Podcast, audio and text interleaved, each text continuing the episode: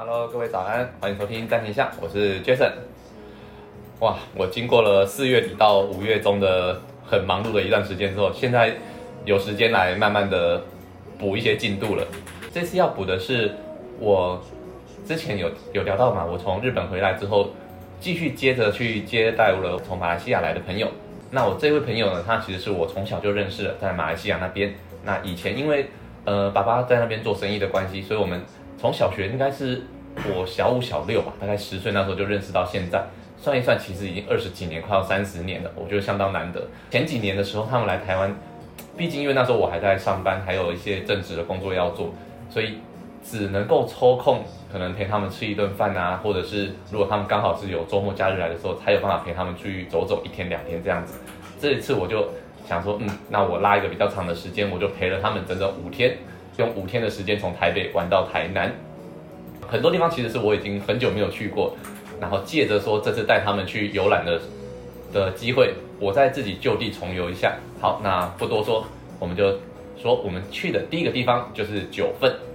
哎，说到九份，大家心中是不是有一种好像很熟悉，但是又有一种觉得好像很久没有去过的感觉？这一次到九份，我其实觉得蛮幸运的，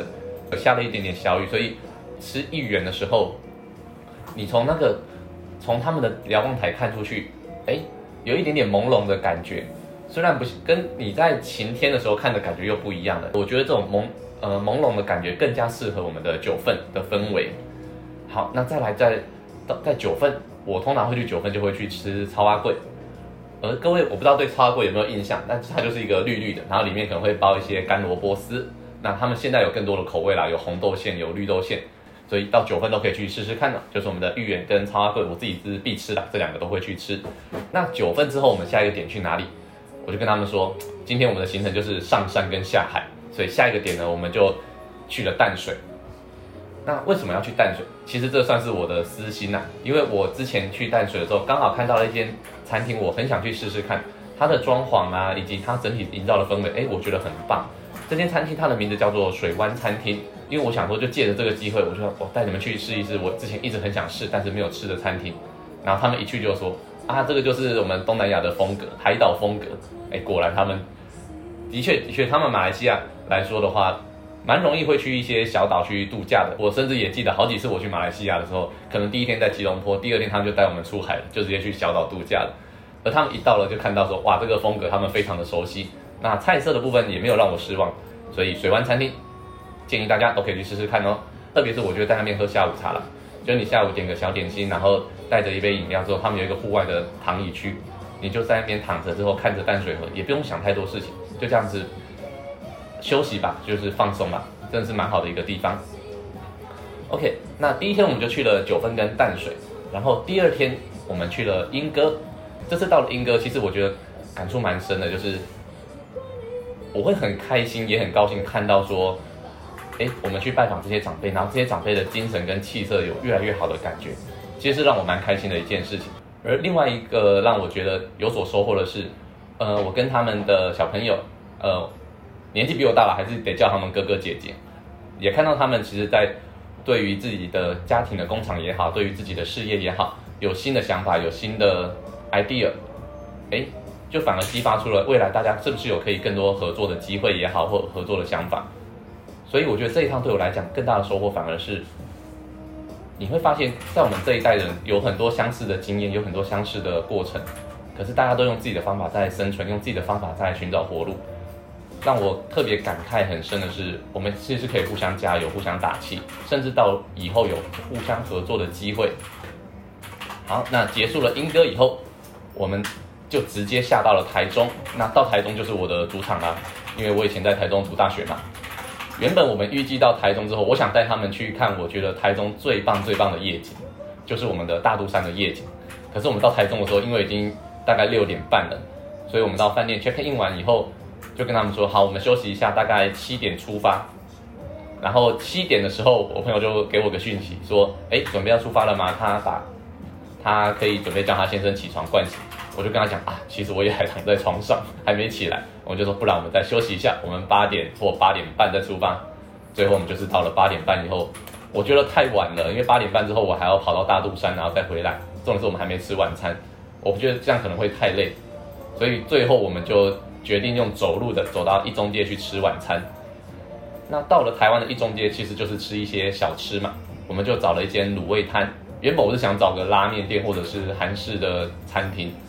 最后我们选了卤味摊，因为他们想吃一点比较道地的台湾的小吃，那就 OK，我们就三个人吧，点了四百多块的卤味。各位想想看，四百多块卤味，可能在台北还好，那个分量应该是刚刚好，可是在台中那就是一个很惊人的，我不知道怎么形容，因为我已经很久没有吃到四百块的卤味，然后那么大一盘。而他的先生呢，则是说他出去看看还有什么可以买，结果回来的时候，我傻眼，因为他带了一个。大鸡排，然后再来是章鱼烧，然后还有咸水鸡，还有什么我有点忘啊？葱葱油饼，就是你知道我们是三个人，然后一个女生，那那个女生还对于饮食有一点点节制，有一点点控制，变得我跟她先生两个人要吃掉这么多东西。呃，对，最后我们吃完了，然后就是慢慢的再散步回旅馆当做运动，不然这几天只能说是淀粉爆表。好，那结束了一中街的行程，然后我们就回饭店休息了。隔一天，我们就准备往台南走。那在去台南的途中，我们继续停了我们南投的指南宫，那是他们指定要去看的一个行程。在指南宫借发财金啊，如果说你是外国人的话，那他们的发财金基本上就是，比如说你借两百块台币，你现借然后要马上还，那只是他换了一换了他们的钱给你，让你当钱母带着，而不像说我们在台湾可以，我今天借了发财金可能六百块，那我明年还愿的时候再来还就可以了。那外国人可能不确定他们明年有没有办法再回来还愿，所以就是当场就是要先还，蛮有趣的。因为我以前没有遇过，没有遇过这件事情，所以哎，这次也算是长了知识。好，结束指南宫以后，下一站就是我们的台南啦，就是我们这一次的终点站。因为他们其实主要也是想要来跟我爸爸拜访一下，然后我算是安排的，我觉得还不错。因为我们餐厅我就把它安排在我们的南纺梦时代里面，而他们的饭店我就直接订在旁边的老爷行旅，是吧？这。仔细想想，我突然觉得，嗯，自己的安排是好。而晚上用餐的时候，当然就是大家就是相见欢呐，就是我们爸爸妈妈，然后跟我这位朋友，因为都是很久很久没有见面的朋友了。然后我哥哥啊，我大嫂啊，那我在叫上的以前也一起认识的一位朋友，我台南的朋友叫小老板，我们就一起在南纺梦时代聚餐。然后聚餐完了以后，就他在梦时代的对面，其实新开了一个夜市。就我们逛完夜市之后，其实大家也累了。原本我隔天是想说，哎，一大早九点多，然后载他们去高铁站，他们可以回台北继续他们自己的行程。后来发现，哎，没有哎，其实我们还可以去一个地方，所以我就叫上了朋友，然后我们就一起五个人就一台车，我们去了安平，继续去吃吃我们安平的小吃，然后逛我们安平的老街，然后最后给他送了一个伴手礼的小礼物，就结束这一趟行程。整体下来，我觉得还不错。然后我朋友也玩得蛮开心的。而这一次其实最棒的是说，因为我们自己租了一台车，所以可以去很多他们可能平常自己来台湾比较不容易去到的景点，像台中吧。因为以前他们也来过台南，但就是高铁直接到台南，然后会省略掉中间。我觉得其实蛮多很棒的景点。所以希望他们这次真的有玩的开心，然后下一次再来台湾的时候，我再来安排一些其他不一样的的地点，可能可以去花东啊，甚甚至可能有机会去离岛去玩玩看，就是把台湾我觉得很有特色，或者是我觉得自己以前去过很棒的一些景点，可以再介绍给他们去玩。我在这一段时间呢，跟着朋友有去有去了一些市集啊，有去了一些活动，然后我突然发现说。很多的县市政府有放有投入非常多的精力，有投入非常多的资源，是在做社区营造这个部分。台湾有很多地方都渐渐的在做改变，都渐渐的在做优化，很值得就是我们可以再去重新的走走看。那我未来就也规划一两集来跟各位介绍一下我去过的哪一些活动，或是哪一些园区，来跟各位做介绍，好不好？那今天我们暂停一下录音就到这里，可能太久没录音，我现在录起来有一点喘。有点喘不过气来的感觉，也有可能因为最近天气真的太热了，所以各位不知道有没有发现到我其实有点气喘吁吁的。好了，今天我先录音到这里，让我喘口气。那我们暂停一下，我们下一次见。我是 Jason，拜拜。